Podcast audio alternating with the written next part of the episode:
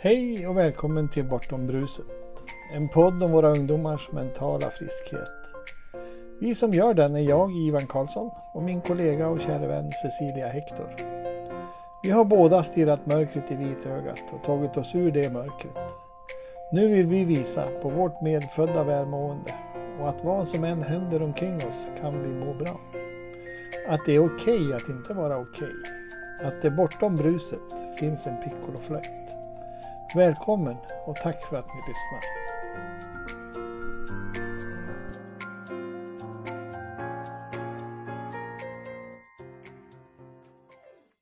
Hej! Mina goda, goda, goda vänner i hela vida världen. Ivan Karlsson här. Tillsammans med bästa väninnan Cecilia. Med podden Bortom bruset. En podd som vi riktar till våra ungdomars mentala friskhet till våra ungdomar och de vuxna som finns runt omkring dem. Eh, idag har vi en gäst som jag har sett fram emot länge, hemligt. Eh, jag är lite crushed på honom om jag säger så. Eh, jag har lyssnat på honom ett antal hundra gånger. Därför att han är en av deltagarna i en podd som heter Thomas och Dennis podd. Det är Dennis Westberg. Välkommen Dennis. Tack snälla. Tack, wow, vilken fin eh, introduktion och tack för det bidrag som ni, eh, som ni eh, levererar till världen. Jag har själv erfarenhet av att dyka upp varje vecka och spela in en podd, så jag vet vilket, vilken uppoffring man gör. Så tack för, för att jag fick vara med, men också tack för det ni gör. Härligt att vara här. Tack för de orden Dennis. Och jag vill faktiskt utbringa ett skål för att Dennis Westerberg är med i våran podd. Så skål! Naturligtvis! Skål! Årets första paraplydrink. Mm. Jag sitter med en tom kopp kaffe här på ett i Malmö, men eh, det får väl duga. Och jag, jag måste säga att jag, eh, jag kan inte fatta det är sant att vi sitter här, för det är ju faktiskt, eh, alltså det är ju min hjälte du är ju min hjälte och även faktiskt eh, Thomas Lydahl eh, mm. som Ja, jag kom ju över det här Youtube-klippet där ni eh, spred ert budskap och jag eh, hörde någonting, ett litet frö som eh, började gro från eh, en väldigt dålig plats där jag befann mig. Och eh, sen har vi ju gjort, eh, eller jag har gjort tillsammans med er en resa kan man säga. Där jag har fått eh, eh både utbilda mig och eh, även eh, genom insikter, egna insikter faktiskt eh, tillfrisknat från eh, det här dåliga och jobbiga och mörka och dystra. Till mm. att vi nu sitter här och gör den här podden och har Dennis Westerberg till gäst. Vad härligt. Och jag tackar också för de orden. Jag tänkte bara så här, lite som en introduktion till mig här då, innan jag berättar kanske vem jag är eller så. Men jag vill bara göra ett förtydligande. Det har blivit mer och mer viktigt för mig, särskilt om, om det vänder sig till ungdomar.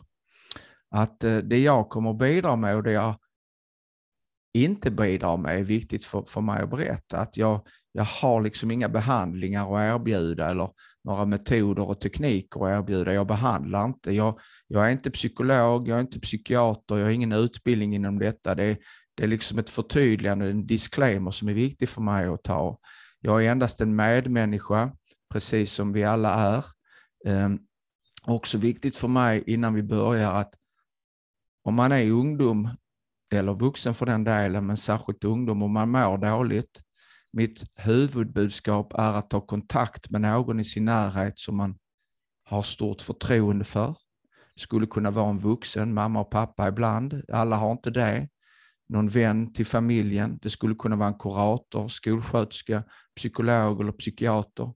Men det viktigaste är att man tar kontakt med någon i sin närhet som, som kan stanna upp en stund tillsammans med dig, men också med ett hoppfullt budskap om att du befinner dig i en svacka i livet och svackor går över. Det finns ett hoppfullt budskap i att jag håller dig i handen och så tar vi oss igenom detta tillsammans. Det är faktiskt eh, något som jag vill säga innan vi börjar, särskilt när vi pratar om ungdomar. Absolut. Tack Dennis. Tack. Perfekt. Mm. Jag tycker vi fortsätter på den resan. Hoppfull. Mm. Eh, jag, har ju, jag träffade Cecilia första gången i oktober i fjol.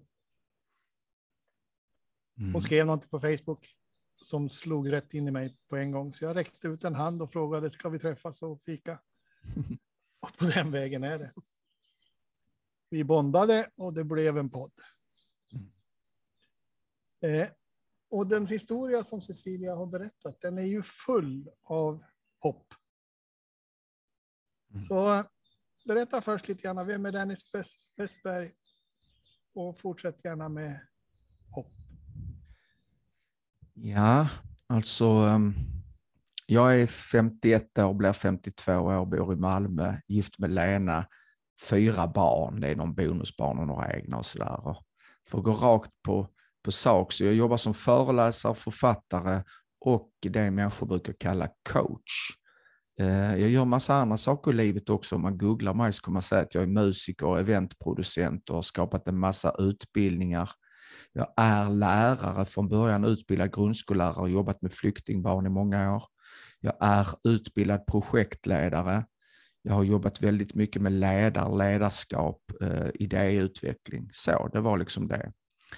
För att komma in på detta så kan man väl säga att precis som ni beskrev lite i introt så har ni haft ett mörkt liv på insidan av livet i flera år. Och då kan jag väl ta er i hand kring den här mörkheten och som så eh, eskalerade till, till att jag mådde väldigt, väldigt, väldigt dåligt i många år. Men via insikter kring hur en upplevelse av livet skapas psykologiskt via icke i medvetandet och att bortom tanken så finns där en medfödd friskhet. Via den typen av insikter och insikter kanske framför allt om att den enda stund som existerar är det pågående ögonblicket nu. Att hela framtiden nu är skapat av en tanke, inget annat än en tanke. Det vill säga att egentligen finns det ingen framtid nu, utan det är alltid nu. Och att insikter kring att det förflutna är över. Vad som än hände då så händer det inte nu. Det, det som händer nu det är att vi tänker, men vad vi än tänker så är det så att säga vårt tänkande vi upplever. Va? Och, och via den typen av insikter för ungefär en, ja, vad kan det vara, 10, 12, 13 år sedan, något liknande, så, så kom jag ur det här psykologiskt dåliga välmåendet. Och den här friskheten, den här medfödda friskheten som finns i det vi kan kalla barnasinnet, ursprunget att vara människa, fick ta mer plats i mitt liv. Och ur den då min typen av insikter så började människor söka sig lite till mig och ville ha min syn på livet. Och eftersom jag jobbade som föreläsare så bäddade jag in den här typen av insikter i mina föreläsningar om arbetsglädje på företag och så. Jag pratar om inre arbetsglädje. Och så skrev jag böcker om det, jag har skrivit ganska många böcker. Och längs eh, vägen så träffade jag många, många människor som kom till mig och en av dem var Cecilia som kom på ett möte i Malmö för några år sedan. Och jag, är så, jag, jag, jag har spelat mycket med Peps Persson och när, jag ville, eh, pra, när jag pratade med Peps i många år och ville alltid höra om hur det var förr så sa han fråga någon annan för jag har så dåligt minne. Och jag säger ungefär likadant, om ni vill prata om den tiden Cecilia, när vi sett, jag minns inte så mycket mer än att det var ett fint möte. Nej, och jag minns inte heller så mycket exakt vad vi sa. Därför att det är ju det som är det fina med att när någon liksom eh, när någon träffar en rakt in i hjärtat och förmedlar en känsla av någonting som, eh, som gör att man får en insikt själv så har det inte så mycket att göra med vad man har sagt eller orden utan mer hur det kändes. Och jag kände att jag fick en tillit till framförallt dig. Och det är ju den tilliten som gjorde att jag kunde gå, gå det hållet Mm. som, eh, som du pekade mot. Och det var ju att titta på var finns eh, psykisk hälsa? För jag var ju i psykisk ohälsa, vilket inte var gynnsamt överhuvudtaget och eh, snurra runt i. Och eh, det enda som erbjöds var ju att rota i ohälsan och blicka bakåt just i alla eh, dåliga minnen. Så att det här var en annan riktning, att kunna se att um, vi kunde titta på ljuset istället, eller hoppet. Och uh, där hade jag inte varit. Nej, och det, det som jag gissar hände, förutom att det var ett jättefint möte, det var att jag själv har kunnat se i mitt liv att det fanns en inbyggd medfödd friskhet i mig. Det lilla barnets klarhet och klokhet och närvaro, självförtroende och mod, vilket jag hade glömt bort i många, många år. Och min egen erfarenhet var att jag, jag hade en oskyldigt låg förmåga att skilja mellan illusion och verklighet, eller mellan mitt eget tänkande och hur det egentligen var. Jag hade en, en stor förmåga att förlora mig i tankar och glömma bort att det var tankar. Och det var liksom tankar om min egen identitet och mitt eget sätt att dyka upp i den här världen. Och också tankar om andras tankar. Det vill säga tankar, men som inte verkade vara tankar för mig. Och när jag började inse att det var tankar och inget annat än tankar så började de skingras för mig själv. Eh, och då så trädde den här medfödda friskheten fram. Det hade jag sett i mig själv. Sen hade jag sett det i min syster som är funktionshindrad, som har en eh, hjärnskada sedan födseln. Jag hade trott i många år att så att säga hennes glädje, kärlek, tacksamhet, ro, som hade dolts i många, många år. Hon var alltid arg när vi växte upp. Det var mycket liv och bråk hemma.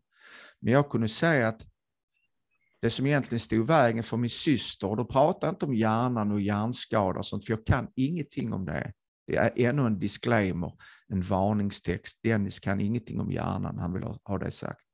Men jag kunde säga att kärlek och ro, sinnesfrid, balans, närvaro, självförtroende, självkänsla fanns även i min syster varje gång som som tänkandet avstannade för henne. Det vill säga värdet av en tankepaus även för min syster var stort. Va? Och så har jag kunnat se det i mig själv och jag har kunnat se det i min syster. Jag har kunnat se det i min mamma och pappa som också, framförallt min pappa, hade väldigt mycket oro i sitt liv och när hans tänkande också stannade av eh, utifrån insikter kring vad tankar var, så kunde jag säga att den äkta pappa, så att säga. Den äkta, lugna pappa, rofyllda, kloka pappa som jag hade fått se prov på genom livet, men fick ta mer plats i, i livet. Och sen kunde jag se det bland vänner. Och sen började människor dyka upp hos mig, sådana som Cecilia. Och, och när jag mötte dig Cecilia, så, så såg jag bara friskhet. Jag såg bara friskhet. Men jag såg också en tjej som som oskyldigt, oskyldigt, väldigt mycket och väldigt lätt förlorade sig i tankar.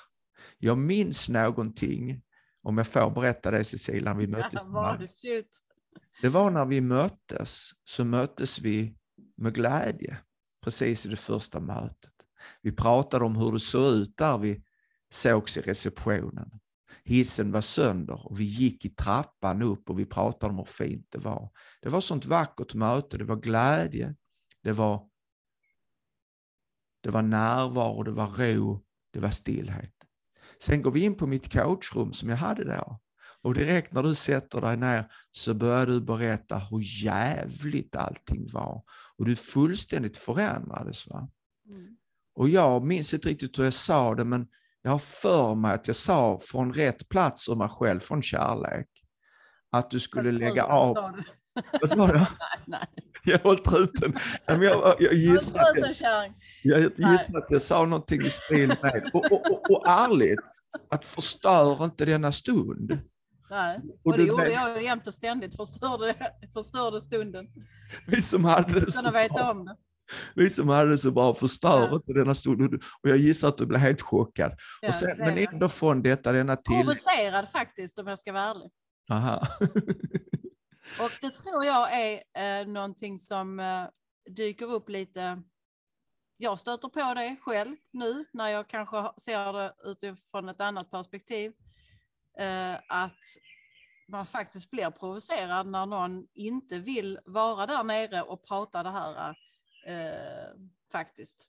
Mm. Att det är att ja, men trösta mig nu, lyssna nu på mig, jag har det ju så jävligt och, och, och så vill man gärna dra ner den andra där nere. Mm. Eh, och det är ju väldigt provocerande. Oerhört provocerande när någon, inte, när någon inte vill vara med en där nere. Mm. Ja, Det blir som ett eget språk där nere. Och när de inte vill vara med och prata det språket, då blir man ju lite pissed off. Ja, det är taskigt tycker man ju. Jag tyckte det var jättetaskigt. Samtidigt, förstår du inte hur jag mår? Jag mår, jag mår skitdåligt, förstår inte du det? mm. samtidigt så gissar jag då att för, för- för jag vill inte provoceras till att dras ner där nere när vi nu har en sån fin stund. Va? Därför att vad är det egentligen vi pratar om? Vi pratar om att känna mening i livet. Och den kände vi när vi promenerade i trappan. Mm. Att känna samhörighet, den kände vi. Att känna tillit. Att känna att vi har kommit över saker i livet. Det som hände på parkeringen utanför eller med frun eh, i, igår eller i vårt förflutna och så, som, som kanske var skräckfyllt. Det hände i alla fall inte i trappan. Va? Och det hände inte i korridoren och det hände inte när vi satte oss ner i rummet. Va? Det var helt fritt från mördare och terrorister i det rummet. Va? Och jag, eh, av mig själv, eh, liksom blir ju förvånad när man dras ner i ett mörker som inte finns. Va? För jag kunde se skillnad mellan ett påhittat mörker och ett, ett faktiskt ljus, om man får ta metaforer. Så jag, jag gick ju inte ner i det hålet.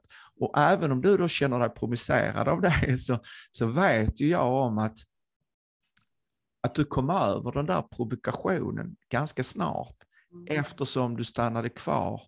För du var ju där av en anledning, nämligen att kunna vara i det ögonblick av kärlek och nu och närvaro, ro och friskhet som, som du faktiskt var i när du mötte mig i receptionen. Jag fångade dig i ett stilla ögonblick som du missade. Mm. Och det var inte bara att jag fastnade själv i att, att eh, älta runt det här eh, tråkiga, utan jag gjorde det ju även oskyldigt gentemot eh, framförallt mina barn. Att jag oroade mig för dem och eh, eh, försökte trösta dem där nere i botten där de var. Eh, framförallt min dotter som, som har mått väldigt dåligt. Och, eh, och, då, och då har jag liksom fastnat där nere i eh, eh, att det är, no, det, är, det är någonting som, som måste ordnas eller fixas för henne för att alltså, hon mår ju så dåligt. Och även mig själv ja, att jag mådde så dåligt. Det, det är något fel på mig faktiskt för att jag, jag är inte som de andra. Jag, jag kan inte känna den glädjen som andra människor känner så att då är det så att det är något fel på mig. För annars hade jag ju kunnat känna samma som de andra. Vilka de andra nu är. Och varför lägga in ytterligare en sån här disclaimer ett förtydligande? Det vill säga att varken ni eller jag förringar ju människors situation och omständigheter i livet. Va? Vi är ju ganska väl medvetna om att alla människor inte har samma förutsättningar i livet. Va? Till exempel, jag blev ju påminn om det direkt när jag växte upp med min syster som är funktionshindrad. Hon, hon blev rätad och mobbad och, och, och liknande. Och jag förstod ganska snart att vi har inte samma förutsättningar i livet. Så att det är väl viktigt att lägga till, men än viktigare är det ju att vara i de här så att säga inre resurserna av ro, och trygghet och stillhet och självförtroende och mod om man nu har ett svårt liv. va. Det vill säga på skylten står det in case of emergency keep calm. Och det är ju en ledtråd till visdom. Va? Det står ju inte om det börjar brinna, stressa upp dig så in i helvete. Och det finns många ledtrådar till visdom som är lätta att missa. Min mamma hade en ledtråd när jag var liten och ni hade säkert någon liknande mamma som sa Dennis, det går över till du gifter dig. Och hon menade inte spring och gift dig så vi kan slippa eländet. Hon menade det går över. Och jag behövde inte ens vänta till jag gifte mig. Va? Det, det fanns också en reklam på min tid som hette ta det lugnt, ta en toj. Och det handlar egentligen inte om att du måste tugga tuggummi så fort du mår dåligt, utan det handlar om ta ett steg tillbaka. Eh, låt sinnet stilla av sig självt. Och sen har vi glömt bort de här, inte visdomsorden, för de är kanske oviktiga i sig, utan vad visdomsorden pekar på. Sov på saken, brukar man säga. Det betyder inte gå och lägg dig och sov, det betyder just det där, låt sinnet stilla sig av sig själv. Men vi har lärt oss oskyldigt, du Cecilia har lärt dina barn oskyldigt att oro är någonting som är bra att syssla med. Och jag blev lärd det direkt i livet. Människor som inte är oroliga är oansvariga. De ser inte klart på livet. Och min pappa till exempel, då, någon gång om han inte var orolig så blev han ju orolig för det. Va? För då har han ju missat någonting. Så han tittade ut genom ögonen, vad har jag missat? Och då hittade han det direkt. Va? Så oro var inte bara en naturlig del av livet, vilket det är. Men det var också en viktig del. Och avsaknad av oro för min pappa var farligt. Oro handlar om att man är på sin vakt, att man ser upp. Men sen alla visdomsord pekar på det motsatta. Som jag skulle fråga till exempel om ni ska ut och flyga. Vilken pilot vill ni sitta bakom spakarna? En superstressad och orolig eller någon som är i närvaro och sinnesfrid. Om, ni skulle, om era barn obehagligt nog skulle behöva opereras av en hjärnkirurg. Vilken hjärnkirurg vill ni ska hålla i kniven? Någon som har ångest och är stressad och orolig, eh, ser mörkt på, på hur det här kommer att gå. Eller någon som är i klarhet, i stillhet och ro. Det vill säga, ju svårare uppgifter man har i livet, desto viktigare är det att inse värdet av att ta en tankepaus. Och egentligen är det mitt budskap. Lägg inte några andra ord i min mun om man nu vill det, utan det är just det där värdet av att ta en tankepaus. Därför att den så att säga pausen är inte tom. Den pausen är psykologiskt välmående, själslig ro, eller vad vi nu kallar det, klarhet. Det är kärt barn har många namn. Sakta ner till livets hastighet. Wow. Mm. Wow. Det som kommer upp för mig det är ju känslor är naturliga. Ja. Yeah. Jag brukar, jag brukar hitta titeln på, på de här poddarna Mm. sådär liksom bara utan vidare. Jag tror att Mm. det kommer att bli titeln. Känslor är naturliga. Kan jag laborera lite kring det här med känslor? Absolut, absolut. Känslor är naturliga. Känslor är mänskliga. Känslor är en viktig del av livet. Om vi tar känslor såsom fysisk smärta till exempel. Det är en oerhört viktig del av livet. Va? Om du för fingret mot en ljuslåga, det är viktigt att du känner smärta, att det gör ont. Va? För annars hade fingret brunnit upp. När du tittar in i, i, i skarpt ljus är det viktigt att du känner fysisk smärta så att du blundar. Luktar det illa så håller du för näsan, smakar det illa så spottar du ut det. Starka ljud du håller för öronen. Så den här fysiska smärtan, fysisk känsla är ju oerhört viktig. Den här fysiska smärtan, den kommer inte primärt från kroppen som vi har fått lära oss. I alla fall mitt sätt att se på det, mitt begränsade sätt att se på det. Utan det krävs att vi är vid liv. Denna mystiska del av att vara människa, att vi är vid liv. Det som religioner försöker förklara, filosofi försöker förklara, vetenskap kanske ibland oskyldigt försöker liksom hävda att det inte finns, att vi inte är vid liv. Men att vi är vid liv är vi och vad det är för någon annan förklara. Men du vet, bort med liv, ingen känsla, på med liv, potential för känsla. Så att känslor är naturliga och viktiga och livsavgörande, sådana här fysiska känslor. Om vi då börjar titta på de psykologiska känslorna, det vill säga att vi känner oro, stress och ilska, irritation, hat eller vad det än är. De känslorna är också viktiga. Däremot är det lätt att man missförstår känslans källa. Känsla, mitt sätt att se på det, kommer från tänkandet. Inte från det vi kallar livet i sig. Det är nämligen fullt möjligt som ett exempel att ha corona utan att vara rädd för corona. Corona är ett virus, rädsla är något annat. Det är fullt möjligt att bo i en av de tryggaste städerna i världen, Malmö, men ändå vara fullständigt rädd. Eller bo i de mest farliga städerna i världen, kanske Kiev eller Mexico City, och ändå inte vara rädd. Så rädsla, psykologiska känslor, vilken som helst, kommer från tänkandet. En tanke skapar en känsla. När tanken inte är där som den inte var när vi träffade Cecilia då, va? just i det ögonblicket, utan tanken var, och nu träffar jag Dennis, vad trevligt. Va? Tanken kring ditt hemska förflutna, tanken kring din hemska situation var inte där för en stund och helt plötsligt så kände du en annan känsla. Vilket innebär att känslor som människa, mitt sätt att säga det, de dyker upp och de försvinner. De kommer och de går. Ingen känsla är konstant. De är flyktiga.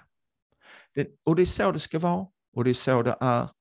Alla typer av känslor finns tillgängliga för Dennis. Hat, avundsjuka, svartsjuka, stress, panik, ångest, all typ. Men också glädje, tacksamhet, ro, kärlek. Känslor dyker upp och känslor försvinner. Men då och då i livet så stannar känslor kvar en lite längre stund än vad vi önskar.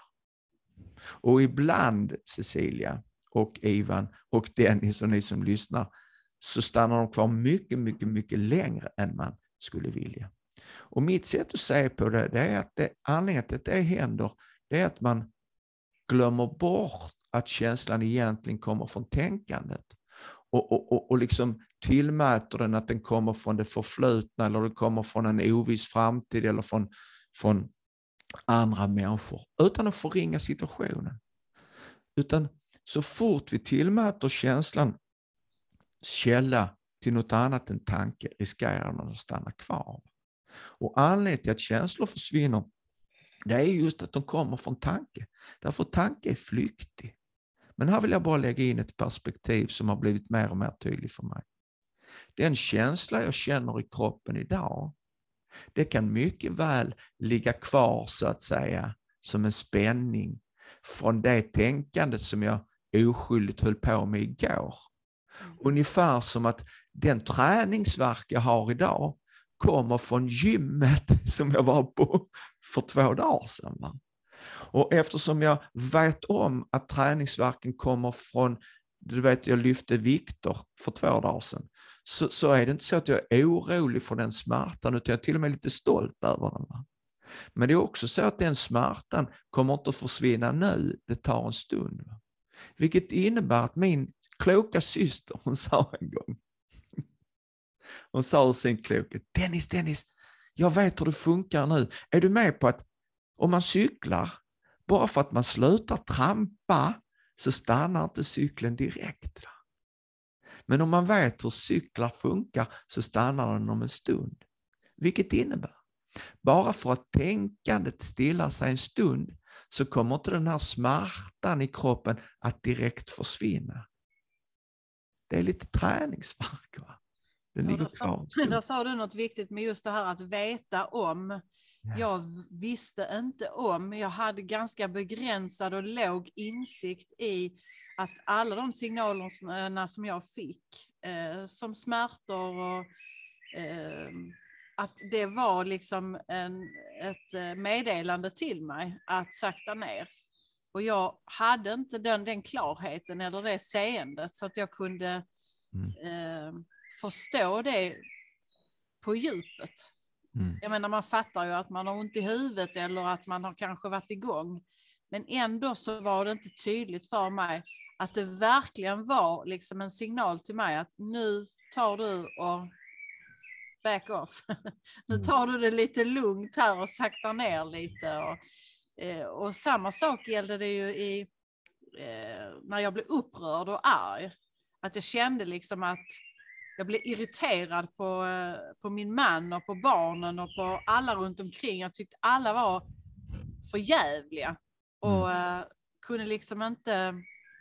Jag var inne i ett sånt stressat snurr så att jag kunde inte koppla, liksom sakta ner för mig själv. Och, Och, och, mitt, eh, och mitt sätt att säga det Cecilia, det är att vi vet om detta när vi är barn.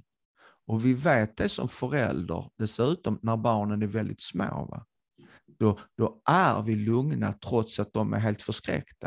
Mm. Vi säger, det går över till du gifter dig.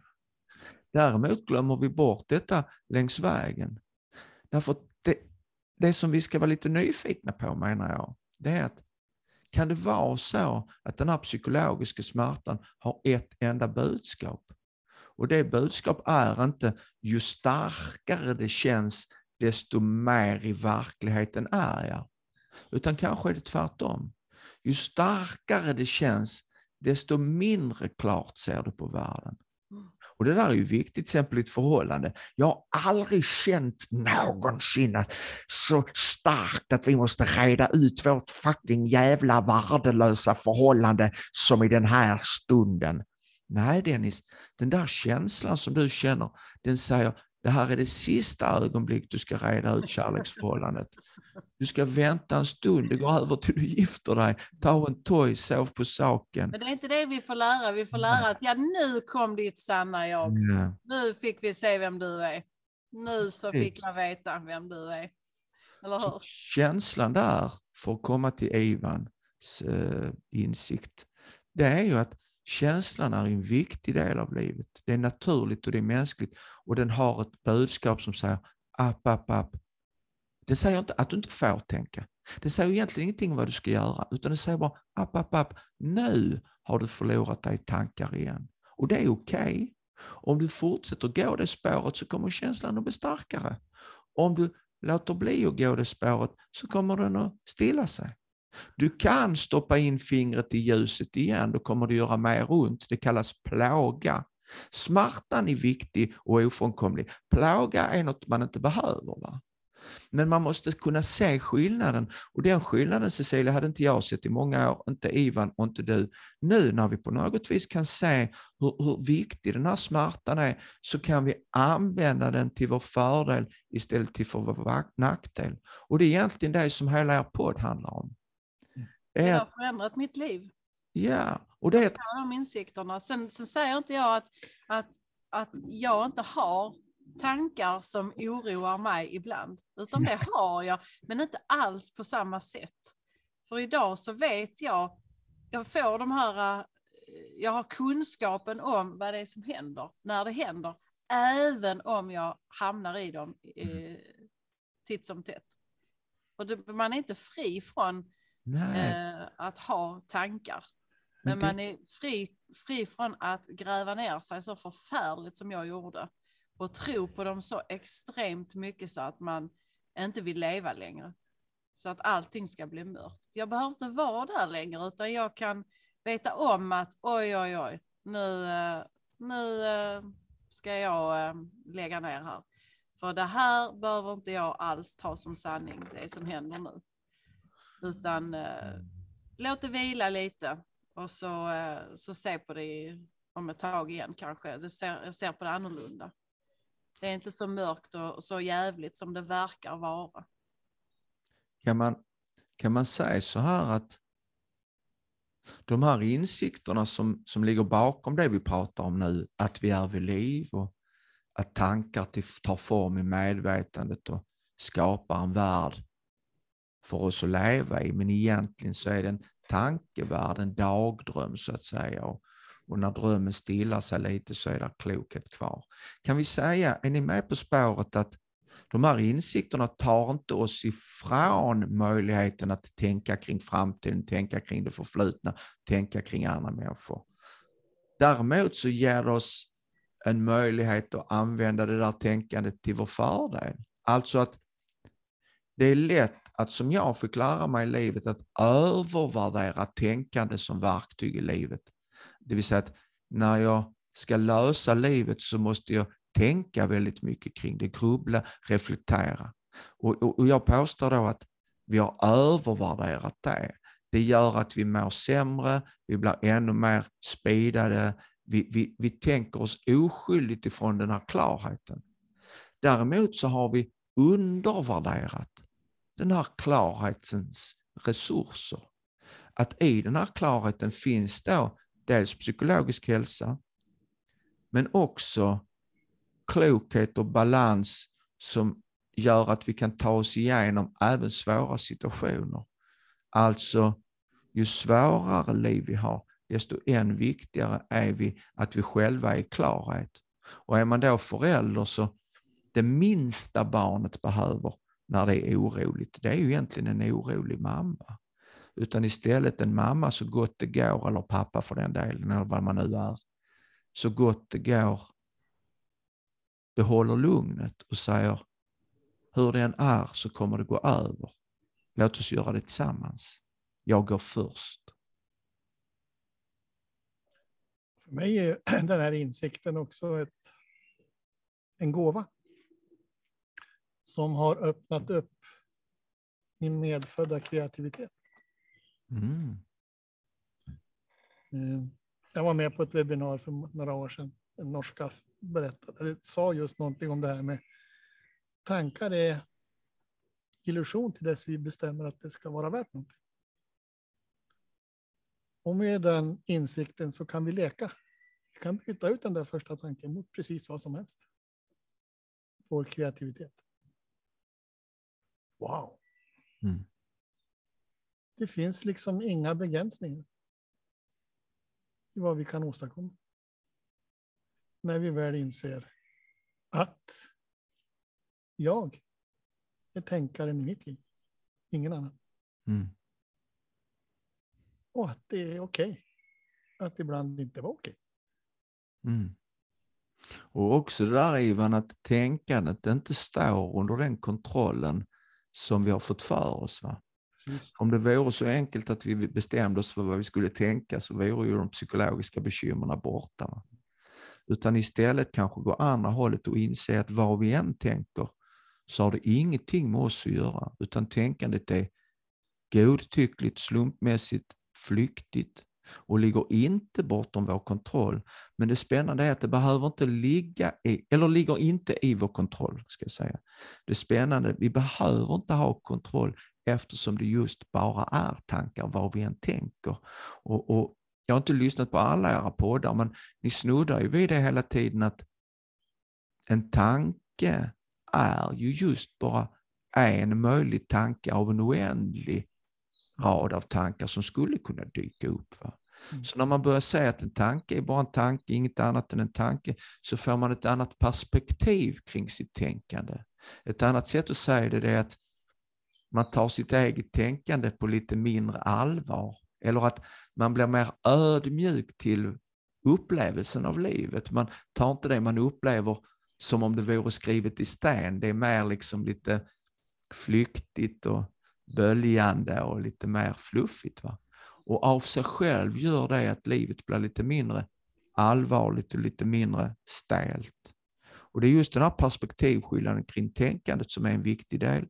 Men också att bortom tänkandet, det är det underbara Cecilia, så finns ju det här barnasinnet av nyfikenhet, förundran, ljuset som ser ut genom ögonen, fabriksinställningen av att vara ursprunget, faktiskt oförändrat och oförstått kvar.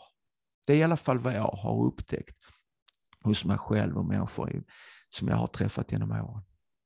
Och det är framförallt det vi vill lyfta med denna podden.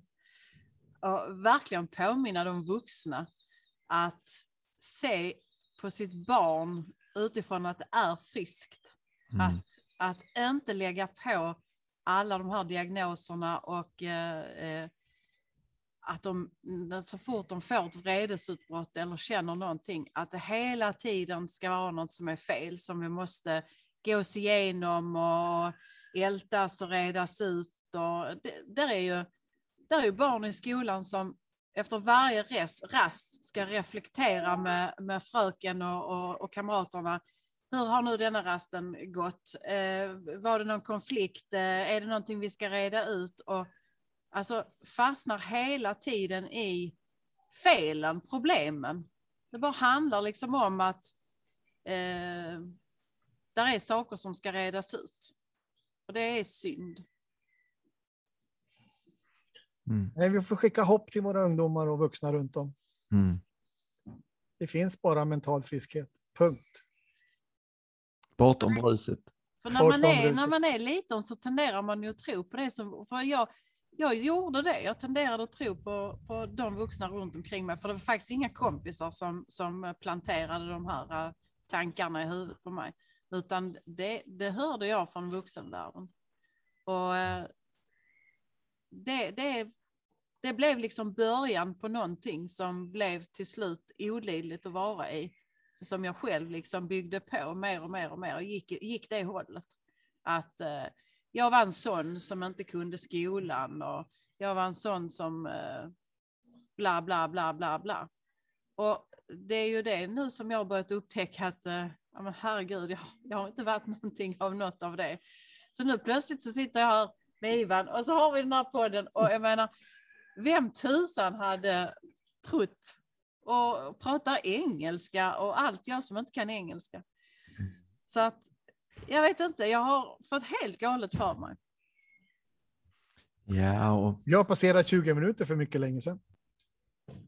Ja. Hur skulle du vilja knyta ihop det här idag, Dennis? Ja, men, eh, det här med hopp. Det finns en skillnad att, att gå genom livet och se att ursprunget i människan är otillräckligt skadat, falskt, uselt. Än att se att ursprunget i människan är nyfikenhet, förundran, driv, motivation, kärlek. Livet blir annorlunda, dels för en själv och dels för människor runt omkring. Och det spännande tycker jag inte det är att någon berättar huruvida det är på ena eller andra hållet. Utan den stora insikten kommer till en, tycker jag, det är att när man stannar upp en stund och kanske påminns om hur det var när man var riktigt, riktigt, riktigt liten. Att helt plötsligt så satt man uppe i ett träd. Helt plötsligt så hoppade man hage. Helt plötsligt så gjorde man saker och det fanns självförtroende, mod. Och sen blev man arg, ledsen, men man gick inte och grubblade kring att snart kommer jag bli arg, ledsen och varför är jag arg, ledsen och är det något fel på mig? Utan de här känslorna de kom man över ganska fort. Och när man börjar komma ihåg det och se det och dessutom kanske ibland fundera på att så är det fortfarande i vuxen ålder. Ibland har man en bra dag och ibland, ibland en sämre dag. Och, och att alla människor, om man fångar dem i ett bra ögonblick, egentligen finns det kärlek och samhörighet närvaro där. Och att, om jag nu får knyta ihop det så är det nog det som jag skulle vilja påminna oss tre. Att så är det även en dålig dag så är det tänkandet som har tagit oss på villovägar. Och också kanske påminna lyssnarna om att mm, när tänkandet skingras då och då av vilken anledning som helst så är där närvaro, kärlek, stillhet och friskhet där. Mm. Tack Dennis. Tack själv. Tack Dennis för allt du gör och allt du sprider och för allt du är. Tack detsamma. Om någon vill få kontakt med dig, hur gör de? Eh, man kan skicka ett mejl till dennis denniswesterberg.com eller gå in på denniswesterberg.com på nätet så har jag en hemsida där. Jag lägger in informationen. Tack. Tack. Bästa älskade Dennis. Tack detsamma. Ha det gott. Detsamma. Skål på er. Hej. Skål. Ja, just det. Skål. Skål.